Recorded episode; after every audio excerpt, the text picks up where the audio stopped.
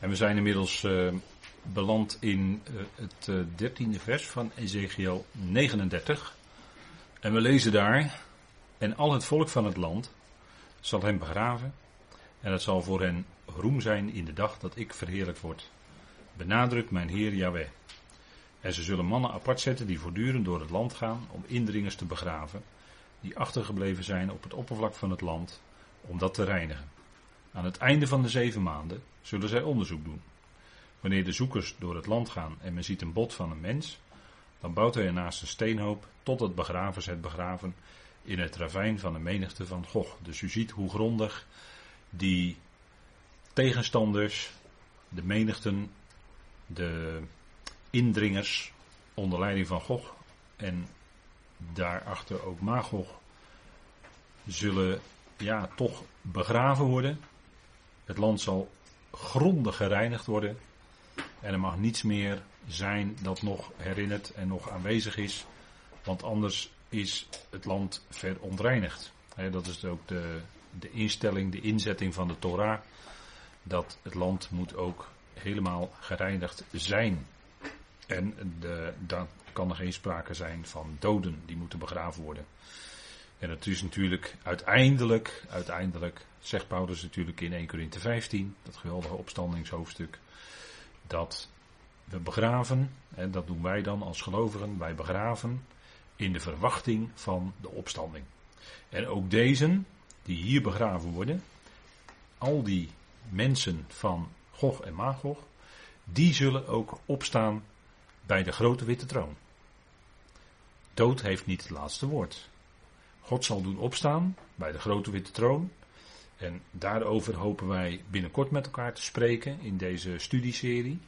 De grote witte troon. Dat is een heel belangrijk gebeuren in Gods plan. Daar zullen alle ongelovigen staan, groot en klein. Al diegenen die gestorven waren in ongeloof, die zullen opstaan bij de grote witte troon. Dan zijn daar geen mogelijkheden meer om zich te verbergen. Coulissen zijn dan weg. Gordijnen zijn ook weg. Men kan zich nergens achter verschuilen. En men zal ook nergens mee weg kunnen komen. Politici kunnen nog met veel dingen wegkomen vandaag de dag. Maar dan is het moment van de waarheid aangebroken. Dan valt het licht van de Heer erop. En dan is er geen enkele mogelijkheid meer voor wie dan ook om waar dan ook mee weg te kunnen komen. Dat is ook de grote witte troon. Moet u niet onderschatten. Dan zal die hele film van het leven met al zijn details zal weer afgespeeld worden. Dat zal aan de orde komen allemaal. Ook grote dictators die vele, vele mensen de dood hebben ingejaagd. Ook die zullen daar voorkomen en daar zal precies alles aan de orde komen. en dat wat wij nog 80 jaar geleden hebben meegemaakt, 75, 80 jaar geleden. Verschrikkelijke tijd. Daar heeft men op een verschrikkelijke manier huis gehouden onder het volk van God. Maar dat zal allemaal aan de orde komen. Er zijn er natuurlijk die gevlucht zijn van die bende. Laat ik het zo maar noemen, hè, van die tijd, die bende. Er zijn er genoeg die gevlucht zijn naar, laten we maar zeggen, overzeese gebieden. En die ook geholpen zijn bij hun vlucht, enzovoort, enzovoort.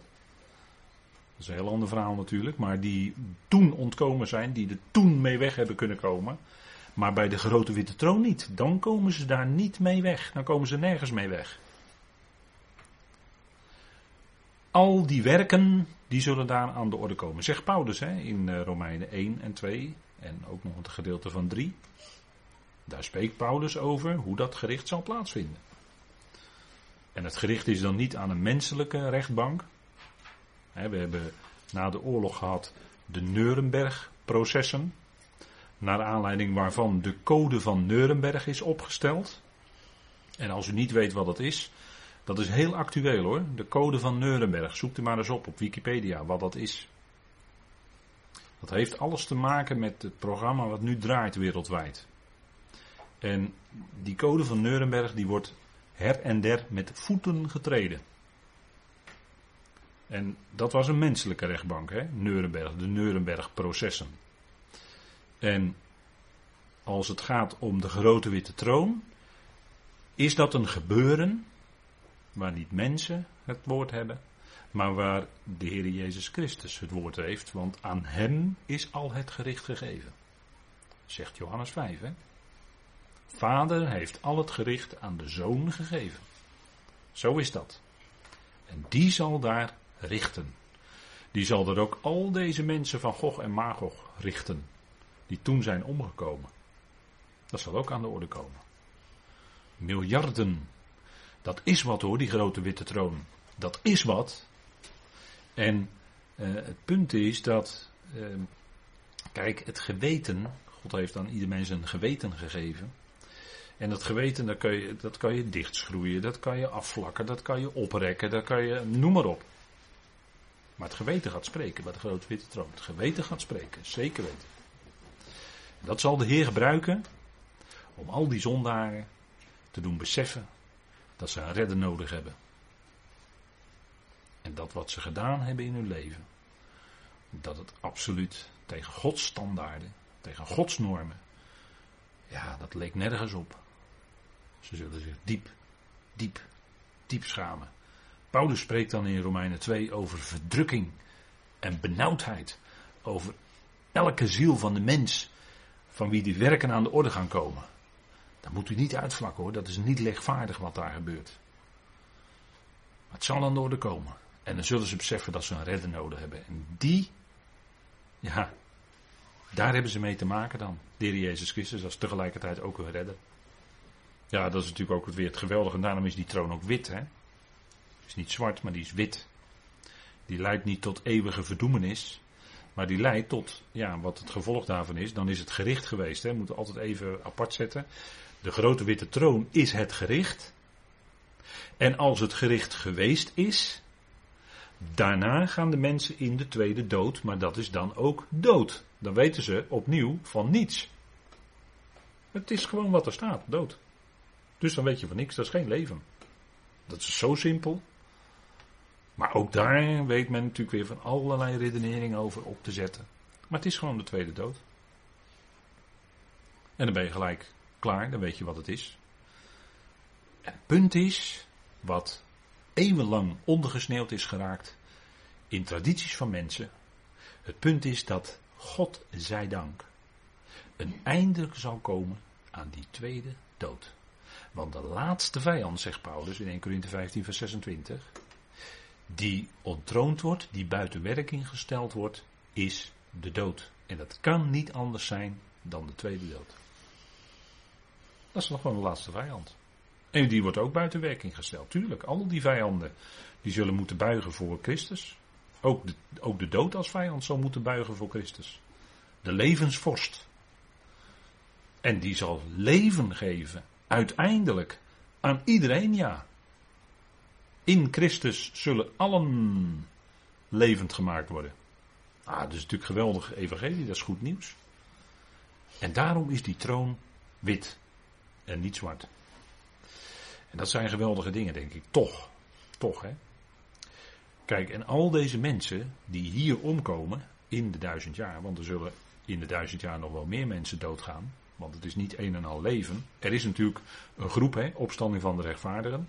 Die rechtvaardigen, die gaan niet meer dood. Die sterven niet meer. De opstanding van de rechtvaardigen, die blijven leven. Die hebben per definitie leven. Die hebben eonisch leven. Maar er zijn er ook die gewoon geboren worden in de duizend jaar. En daarin ook weer sterven. En die leven wel een stuk langer. Omdat er dan minder ik zal maar het woord toverij gebruiken, minder toverij is, leven ze veel langer. En nochtans zullen zij sterven. Een jongeling die sterft is 100 jaar. Ben je nog jong. Nu ben je behoorlijk oud hoor, als je 100 jaar bent. En velen halen dat niet eens. Maar dan worden mensen weer, net als, net als toen in de tijd van, uh, van de, van, uh, hè, voor, de, voor de grote vloed, hè, worden mensen weer uh, 8, 7, 8, 900 jaar. Noach werd geloof ik 850 of zo nog. Hè. Maar die zullen toch sterven. En dan ook, hè, want ja, je bent toch sterveling. Je wordt uh, geboren als sterveling. Maar uiteindelijk zal er leven zijn voor iedereen, ook voor deze. Dat is het geweldige. Nou, we gaan weer verder met onze tekst, vers 16. En bovendien is de naam van de stad Indringer. En zij reinigen het land. Dus het land wordt gereinigd van al die doden. En jij, zoon van Adam, zo wordt Ezekiel aangesproken, zo zegt mijn Heer Yahweh, zeg tot de vogel van ieder gevleugelte en alle dieren van het veld, verzamel je en kom. Kom bijeen van rondom voor mijn offer dat ik voor jullie offer, een groot offer op de bergen van Israël. En jullie zullen vlees eten en bloed drinken.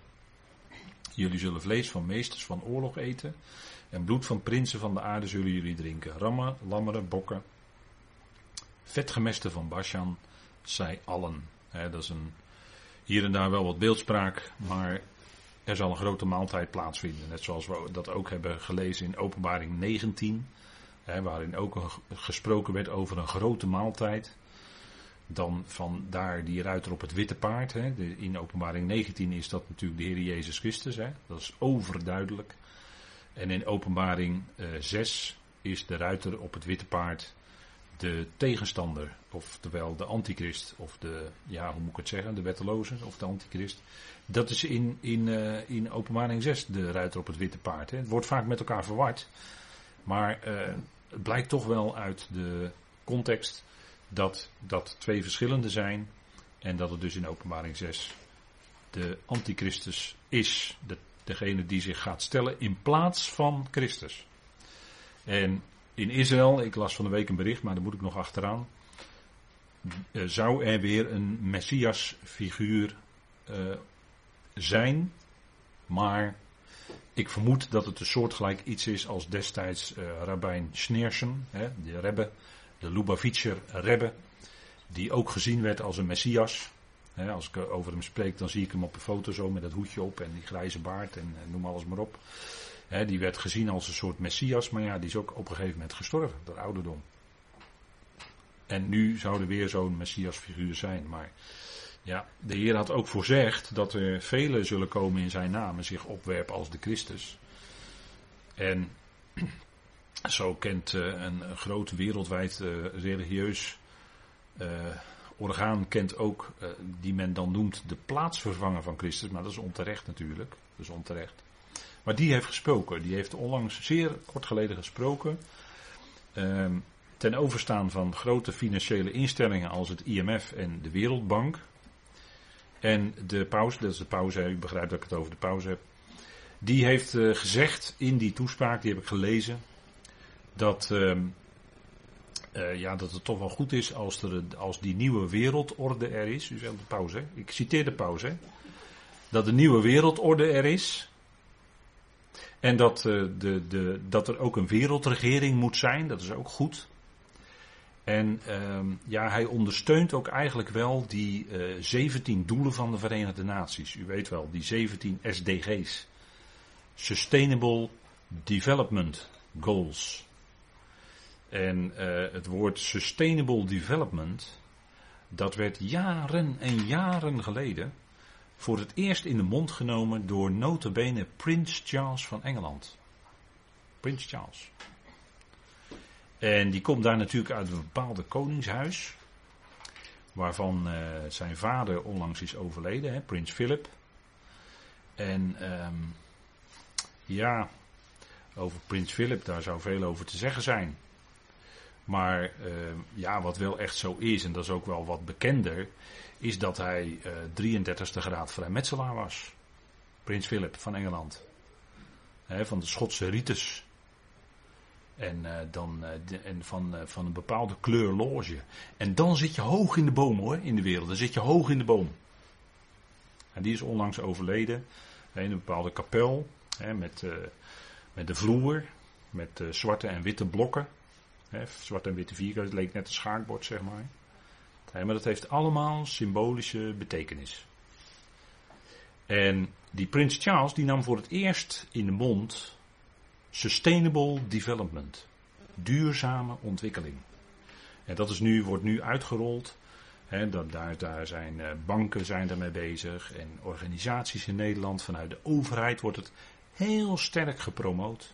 En u zag het ook bij bijvoorbeeld uh, bij Willem-Alexander en Maxima een speldje hadden ze op hun revers met zo'n rondje. En dat duidde dan op die 17 Sustainable Development Goals. Hè. Dat zijn allemaal gewoon openbare foto's geweest. Dus er is niks geheimzinnigs aan. Dat is allemaal in het openbaar. U kunt het allemaal zien. En die werken dus mee aan al die doelen van de Verenigde Naties. Nou, ik denk dat het goed is als je als gelovige eh, daar eens wat goede achtergronden kennis van neemt. Hoe dat nou eigenlijk zit, hoe dat nou werkt. Hoe nou die vervlechting van de overheid met dat bedrijfsleven, en dan met name de grote corporaties, hoe dat nou werkt in de praktijk. En dan krijg je uh, met, een, met een raar woord krijg je belangenverstrengeling. En dat is overal in de wereld tegenwoordig aanwezig. En um, kijk, dat is niet iets wat zomaar uit de lucht komt vallen. Want ik, ik had het net over de Tweede Wereldoorlog. Maar daar had je ook een zekere Mussolini. Hè, van, dat was een fascist uit Italië. En in Italië was Mussolini er ook in geslaagd om het bedrijfsleven zodanig te vervlechten met de overheid. dat het allemaal stond voor hetzelfde doel. Onder leiding van Mussolini. Kijk, dus het zijn geen vreemde dingen die vandaag de dag een rol spelen. Maar dit is de wereld van vandaag. Dit, dit plan wordt dus uitgerold. Hè? En de paus die daar, kwam ik vandaan. Hè. De paus die, die, die promoot dat, die, die stimuleert dat, die staat daar helemaal achter. Die gaat helemaal in dat, in dat, in dat grote plan mee van die nieuwe wereldorde. En uh, het punt is dat uh, dat natuurlijk iets is wat, wat al langer is voorbereid. Hè. Prins Charles sprak er 20, 30 jaar geleden al over, nam, dat, nam die term in de mond. En dat wordt nu allemaal uitgerold. En dat is allemaal, zegt men, ten goede van de mensheid. En nou ja, goed, we moeten maar kijken wat het allemaal dan op gaat leveren. Maar in ieder geval zal het toch nodig zijn, en daar gaan we naartoe, dat niet uh, een plaatsvervanger, nee, het zal straks nodig zijn, heel hard nodig zijn, hoog tijd zijn, dat de Heer zelf gaat komen. Dat Christus Jezus zelf gaat komen en zijn voeten zal zetten op de Olijfberg. En die hele wereld gaat herstellen. Want na die ruiter op het witte paard komt die ruiter op het rode paard. Hebben we gezien in de studies, deze studies openbaring. En dan komt er oorlog over de hele wereld. Die komt om de vrede van de aarde weg te nemen. Dus dan wordt het oorlog. Met alle gevolgen van dien. Want je krijgt ook nog een vaal paard en een zwart paard daarna. Dus dat heeft enorme gevolgen. En dan zal het hoog tijd zijn dat de Heer voor Israël komt. En dan zullen ze nog maar één ding kunnen. Dat is om hem roepen. Maar als ze om hem roepen, dan zal die er ook zijn. Want we weten dat de Heer laat geen bidder staan. Ook zeker zijn volk niet. Als zijn volk de naam van de Heer gaat aanroepen, dan zullen zij gered worden. En dat zal hij ook gaan doen. En dan zal die geweldige tijd gaan aanbreken. Toch een geweldige tijd, want het zal toch heel anders zijn dan nu in die duizend jaren. Nou,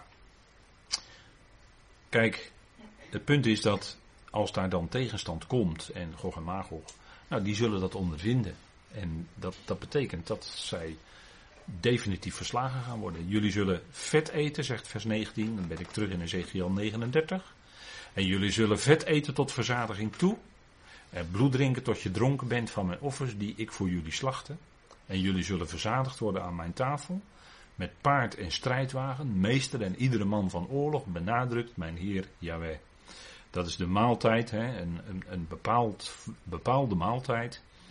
Die de Heer dan voor zijn volk aanricht. Hè. De, de vernietigend verslagen legers. Uit Ezekiel 38 weten we dat het een aardbeving is. En hier stelt de Heer dat dan voor als een maaltijd. Vet eten tot verzadiging toe. Bloed drinken tot je dronken bent.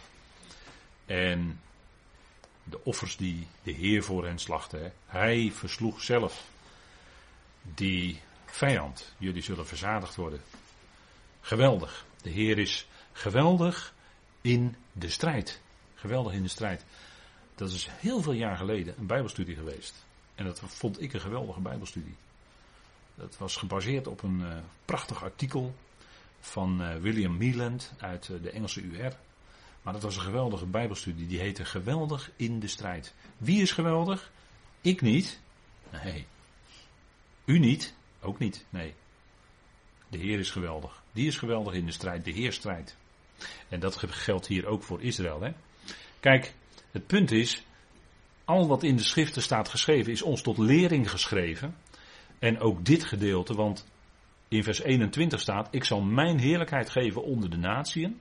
En alle natieën zullen mijn gericht zien dat ik doe en mijn hand die ik op hen plaats. Kijk, wat zijn Israëls wapens hier? Hier wordt helemaal niet gesproken over wapens van Israël. Israël had ook helemaal geen wapens. Want zij zullen dan het eerste volk zijn wat hun zwaarden gaat omsmeden tot ploegscharen en tot, uh, en tot andere nuttige voorwerpen. Dus Israël zal dan geen wapens kunnen hebben. Maar ze zullen dan niets doen. Want ze zijn niet langer op dat moment Jacob. Dus ze vertrouwen niet op zichzelf, op hun eigen oplossingen. Maar ze zullen dan zijn Israël. Zoals Jacob ook was in zijn leven na de Jabok. Toen was hij Israël. Want toen was dat vertrouwen op Yahweh alleen. Nou, nou, ja, bij Jacob nog net niet helemaal. Hij probeerde toch nog met Ezo een beetje, nog, een beetje dingen nog. Maar goed. Jacob, het is niet langer Jacob hier, maar Israël. Ze hebben de geest ontvangen. En daarom hebben ze dan een hart van vlees in plaats van steen. Naar de belofte, het nieuwe verbond. En zij vertrouwen dan volledig op Yahweh. Moet je je voorstellen, Israël woont in gerustheid in het land. Al die mensen van Gog en Maag, die komen allemaal, die overstromen het land als mieren.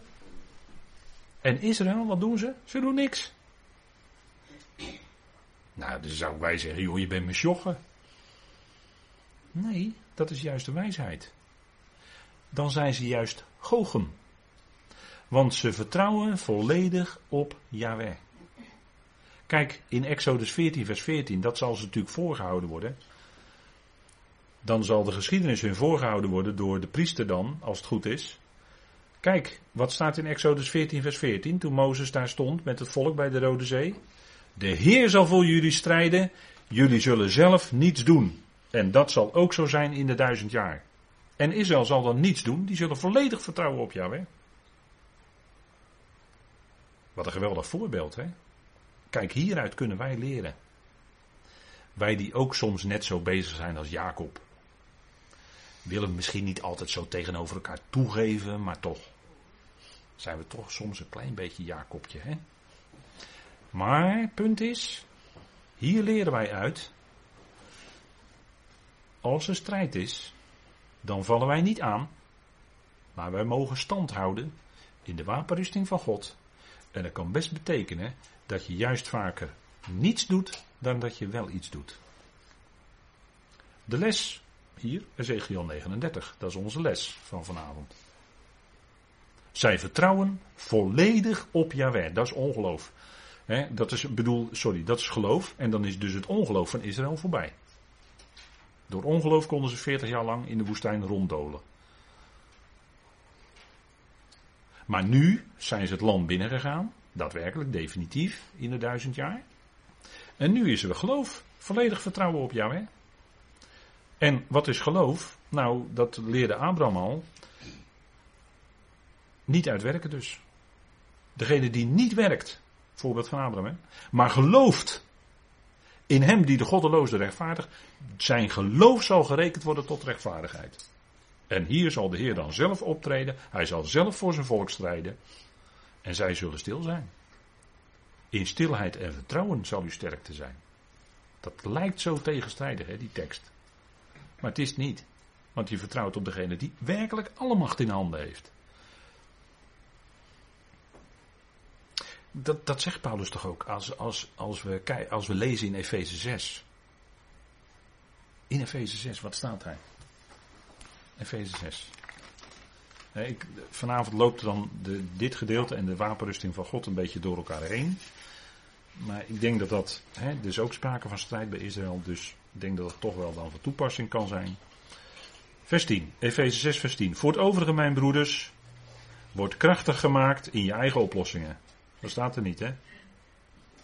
Nee, wordt krachtig gemaakt in de Heer. En in de macht van zijn sterkte. Dus niet jouw sterkte, zijn sterkte. Wie is geweldig in de strijd? Niet ik, maar hij. Punt, hè? En, en ik denk dat dat echt zo ontzettend belangrijk is. Dat we dit zo goed beseffen. Het volk doet hier niets. De Heer strijdt voor hen. En is dat niet een geweldig voorbeeld voor ons?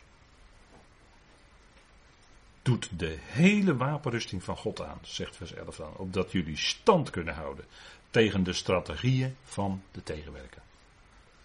En zijn gedachten, zegt Paulus, zijn ons niet onbekend. Klopt. Zo langzamerhand kennen we de tactieken van de tegenstander, kennen we wel een beetje. En dan weet je wel weer als er bepaalde dingen gebeuren, of als er bepaald, een bepaald iets speelt, dan weet je alweer van, oh ja, oh wacht even, het is zo laat, ja, oké. En kijk, dit zijn belangrijke dingen. En dan vind ik dat het Tenach, Tenach is niet zo saai hè, toch. Tenach is niet zo saai hoor. Alleen het punt is, je moet je erin verdiepen. En dat is wel eens voor ons een beetje een lastig punt. Erin verdiepen. Maar ik, ik garandeer u, de tijd die je daarin besteedt, die tijd die je daaraan besteedt, is altijd goed besteden tijd. Want je leert steeds meer niet op jouw eigen sterkte te vertrouwen, maar op die van onze Heer Christus Jezus, die ons zo lief heeft. Die ons zo lief heeft.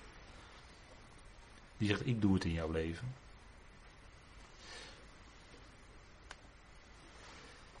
Vers 22. En het huis van Israël zal weten, hè, dat is het geweldige weten, het geweldige weten. En het huis van Israël, ziet u dat er hier niet meer gesproken wordt over twee huizen, nog maar over één huis van Israël, dus de twee en de tien stammen ineengenomen. En het huis van Israël zal weten dat ik Yahweh ben, hun Elohim ben, vanaf die dag en daarna. Dit zal natuurlijk een enorme les ook weer zijn voor het volk. Hè? Als Gog en Magog komen, ze wonen in gerustheid. Duizend jaar is nog maar net begonnen. Komt de vijand toch? Dan zullen zij bewaard worden door de Heer. De Heer zal de vijanden verslaan. En dan zullen ze weten dat ik, Yahweh, hun Elohim ben. Vanaf die dag en daarna. En als je dit leest, dan is het toch ook zo dat we denken aan die woorden van de apostel Paulus in 1 Korinthe 2.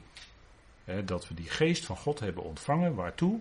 Opdat we zouden weten wat God ons in genade geschonken heeft. De diepten van God spreekt hij daarover. Hè? De diepten van God. Opdat wij zouden weten wat God ons in genade geschonken heeft. Ja, dat is natuurlijk heel erg veel. Dat is natuurlijk geweldig. En als je dat eenmaal in je leven is gekomen. En de Heer geeft het dat je dat, dat volledig hebt omarmd. Dan, dan is dat fantastisch. Dan, dan kom je daar ook nooit daar kun je daar ook nooit meer los van komen. Dat kan niet, dat is onmogelijk. Daar kom je niet meer los van. De Heer laat je niet los. De Heer laat, laat je niet gaan. Je bent in zijn hand.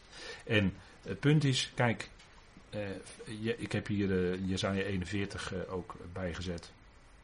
Uh, wees niet bang, want ik ben bij je. Vrees niet, want ik ben je God.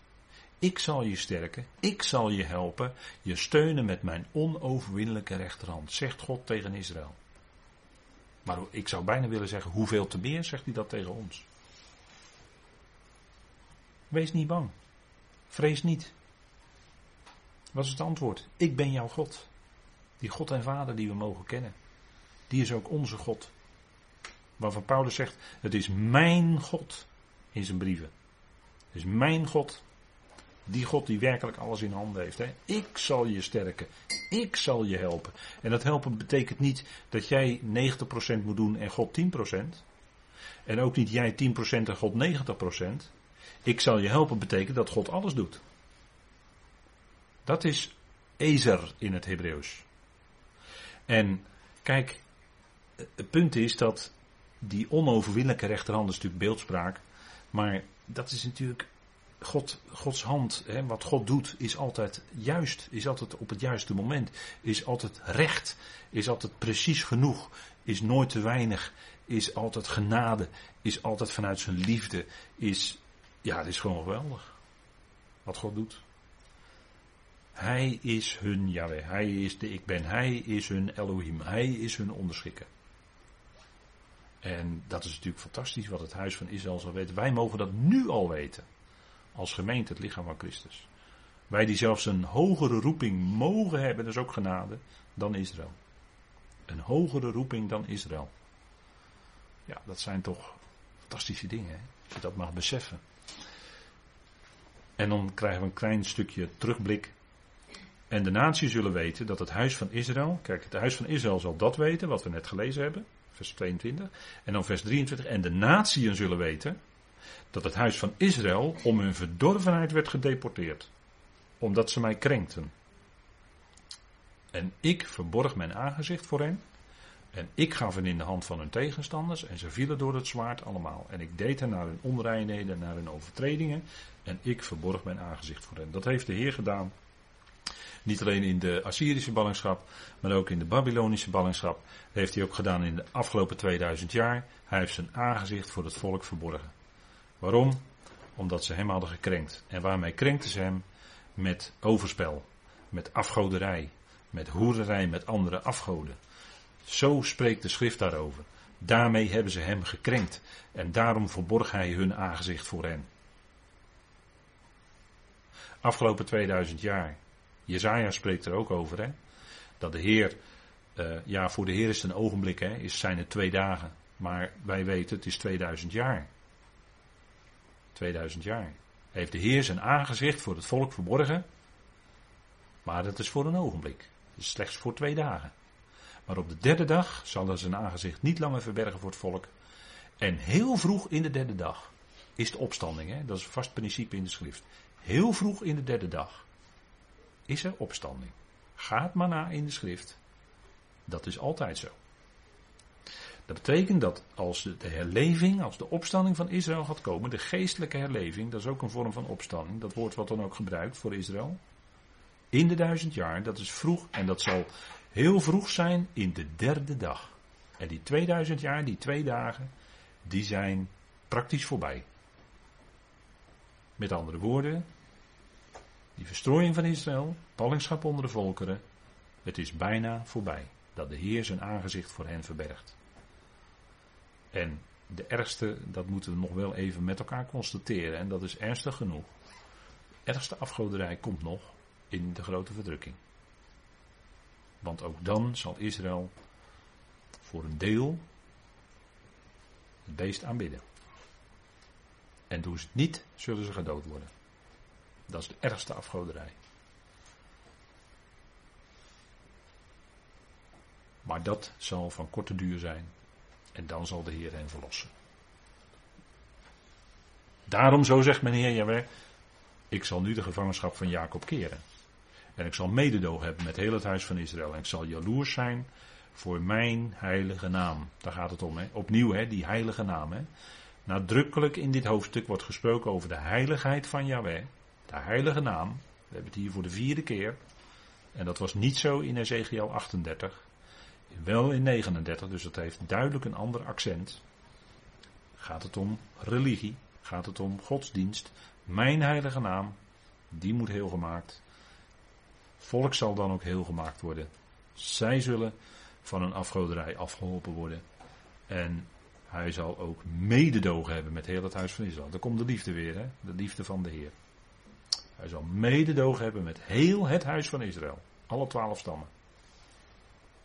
En ze zullen hun schande dragen. En al hun krenkingen waarmee ze mij krenkten.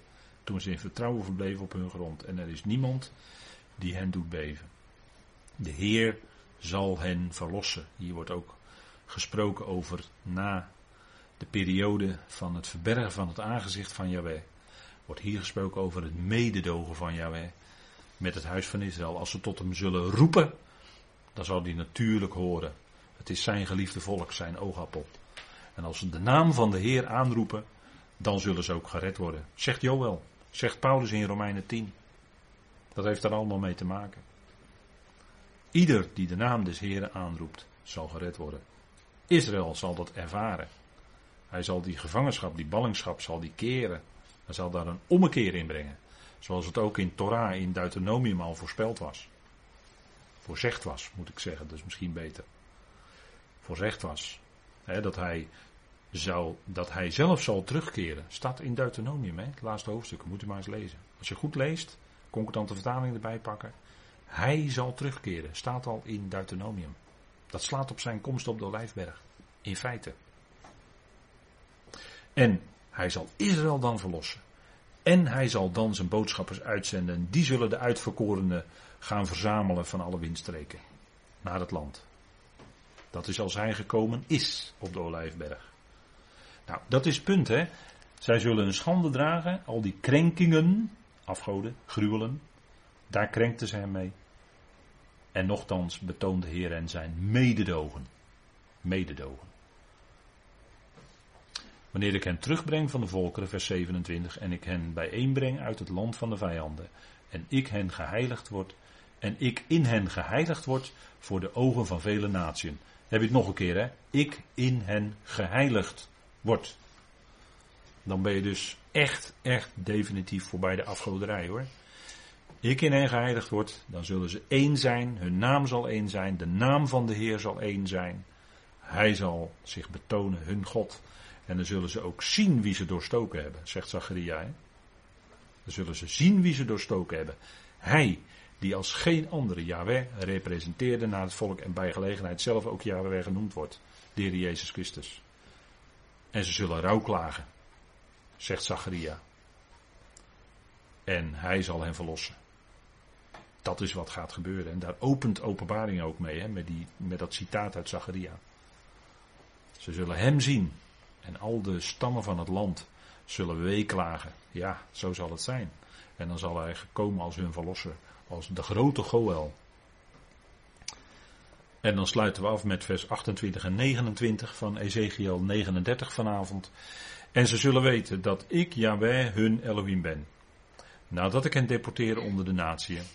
En ik hen verzamel. Ziet u dat hij dat zelf doet, hè? En ik hen verzameld. Heb je het weer, hè? Ik hen deporteerde. Ik hen verzamelde. Op grond van hun en op hun grond en niemand van hen daar nog langer achterlaten. En ik zal niet langer mijn aangezicht voor hen verbergen, wanneer ik mijn geest uitgiet op het huis van Israël, benadrukt mijn Heer Yahweh. Nou, dat zijn duidelijke bewoordingen. Dus duidelijk wat de Heer zegt wat hij gaat doen. En natuurlijk, dat wordt ook in andere profetieën ook duidelijk gezegd. Hij zal zijn geest uitgieten op het huis van Israël. Staat in Hosea, staat in Joel, staat in Jeremia, staat in Jezaja, staat ook in Ezekiel. Nou, dat zijn genoeg profetieën, denk ik. Dat van alle kanten wordt het betuigd. Hij zal zijn geest aan hen geven als teken dat hij zijn aangezicht niet langer voor hen verbergt. Hij zal hen verzamelen. De Heer doet dat. De Heer is de grote Asaf hè, van het volk. Op hun grond. En hij zal niemand nog achterlaten. Kijk, dan wordt het voor Israël echt Pinksteren. Zoals daar al een prelude van was bij Petrus op de Pinksterdag. Op de vijftigste. Pentecoste is eigenlijk vijftig, hè? Dat is het einde van die cyclus. Die van die zeven sabbatten omvatten. De cyclus die zeven sabbatten omvatte. Dat was de cyclus vanaf uh, uh, Pesach, de, de 14e Nisan. En dan kwam daarna het uh, feest van de ongezuurde broden van 15 tot en met 21 uh, Nisan. En dan uh, op de dag van de eerste Linggarf, de dag van de eerste Linggarf, de 16e Nisan. Op die dag, een prachtig type natuurlijk hè, een prachtig type van de opstanding van Christus dat de eersteling garf heen en weer bewogen werd voor het aangezicht van Jehovah, de eersteling van de oogst. Dat is een prachtig type van de eersteling, die door Paulus ook zo genoemd wordt.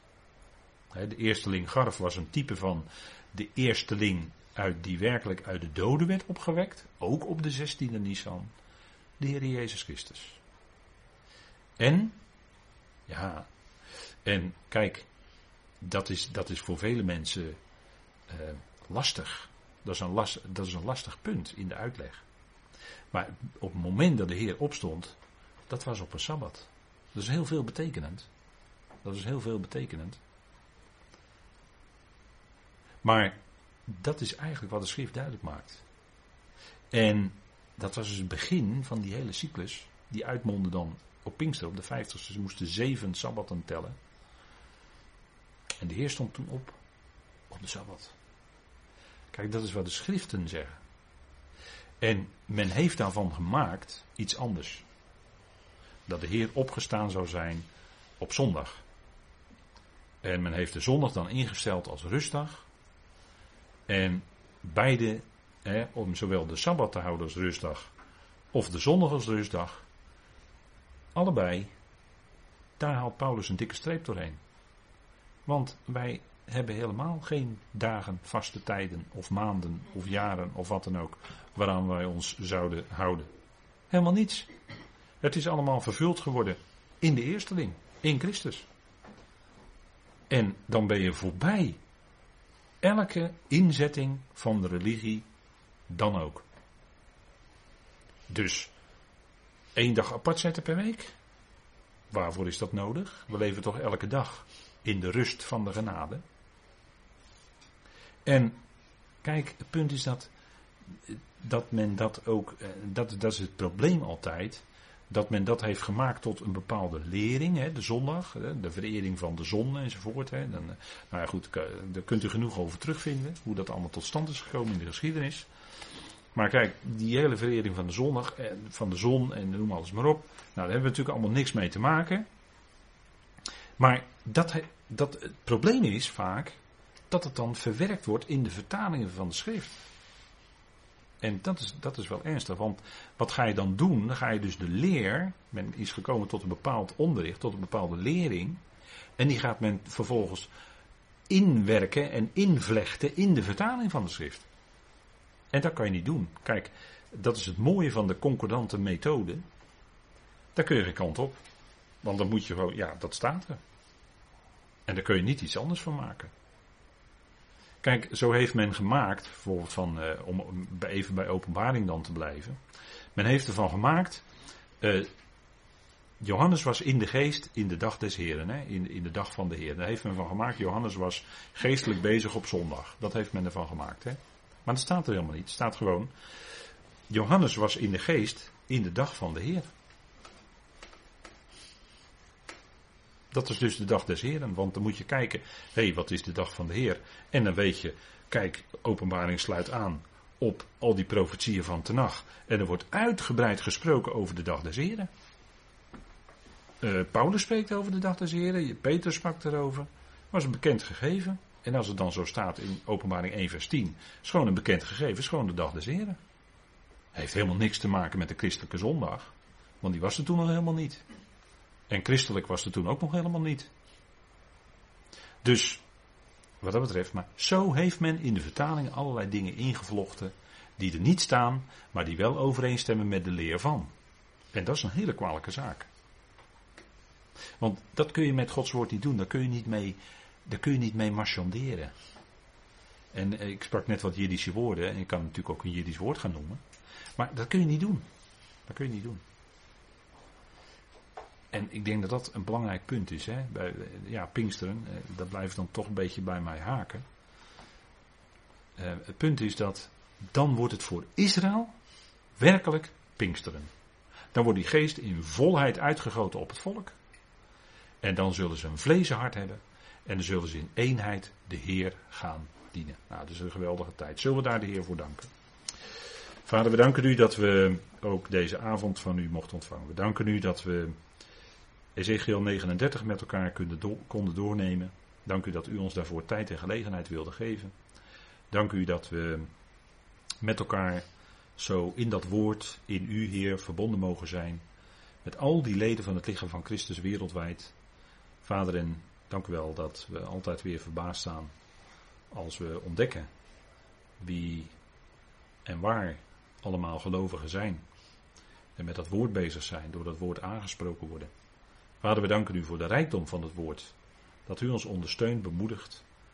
En ook die principes, die geestelijke waarheden uit uw woord leert. Zodat we daarmee kunnen leven. En leven kunnen uit uw hand, want dat is werkelijk leven. Vader, dank u wel daarvoor. Dank u wel dat u ons bemoedigt en versterkt. Dat wij in stilheid en vertrouwen ons weg mogen gaan.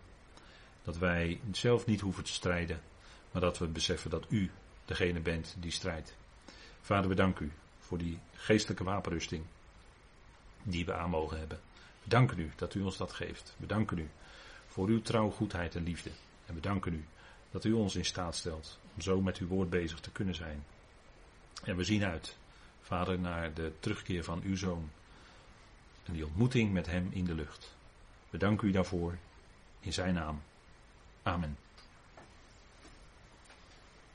Goed dank voor uw aandacht.